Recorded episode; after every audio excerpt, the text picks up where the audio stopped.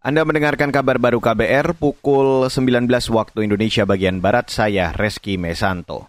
Saudara Indonesia termasuk negara yang ekonominya bisa pulih seperti sebelum pandemi COVID-19.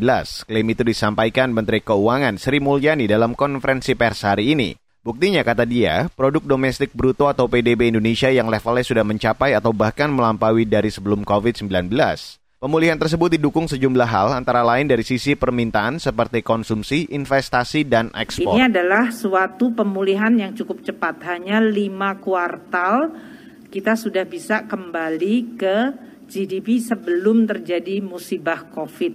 Banyak negara-negara di tetangga kita ASEAN maupun emerging country di dunia yang belum mencapai pre-COVID level Bahkan mereka GDP-nya masih ada di sekitar 94 sampai 97 persen. Saudara itu tadi Bendara Negara Sri Mulyani. Sebelumnya, BPS mencatat ekonomi Indonesia 2021 tumbuh sebesar 3,69 persen, lebih tinggi dibanding capaian 2020 yang kontraksi 2,07 persen. Perekonomian Indonesia 2021 diukur berdasarkan produk domestik bruto atau PDB atas dasar harga berlaku mencapai lebih dari 16 kuadriliun dan PDB per kapita mencapai 62 jutaan atau setara 4,3 ribu dolar Amerika. Beralih ke berita selanjutnya, Saudara. Dinas Pendidikan atau Disdik Provinsi Jawa Tengah menghentikan pembelajaran tatap muka atau PTM di Satuan Pendidikan Tingkat SMA SMK. Sekretaris Disdik Jateng Suyatna mengatakan, penutupan dilakukan setelah ada ratusan siswa dan tenaga pendidikan positif COVID-19 begitu sekolah itu ada yang positif,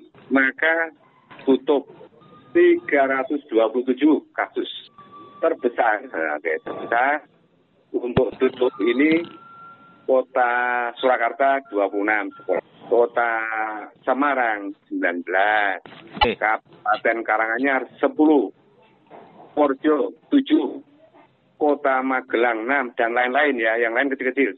Suyanta menghimbau penutupan sementara dilakukan minimal tiga hari dan maksimal pemberhentian 14 hari untuk melakukan pengetesan dan pelacakan.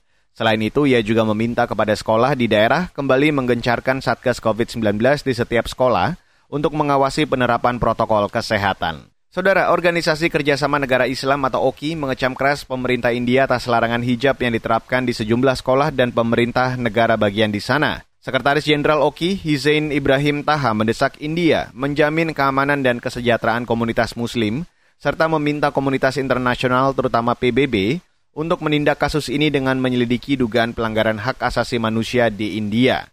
Menanggapi pernyataan tersebut, Perdana Menteri India Narendra Modi menilai, OKI terus dibajak kepentingan golongan untuk melakukan propaganda jahat terhadap India. Sebelumnya, Sejumlah siswi di India melakukan protes dengan belajar di luar sekolah setelah di, tak diizinkan masuk gedung karena mereka memakai hijab. Protes tersebut terjadi di depan gerbang salah satu sekolah di distrik Udupi, negara bagian Karnataka.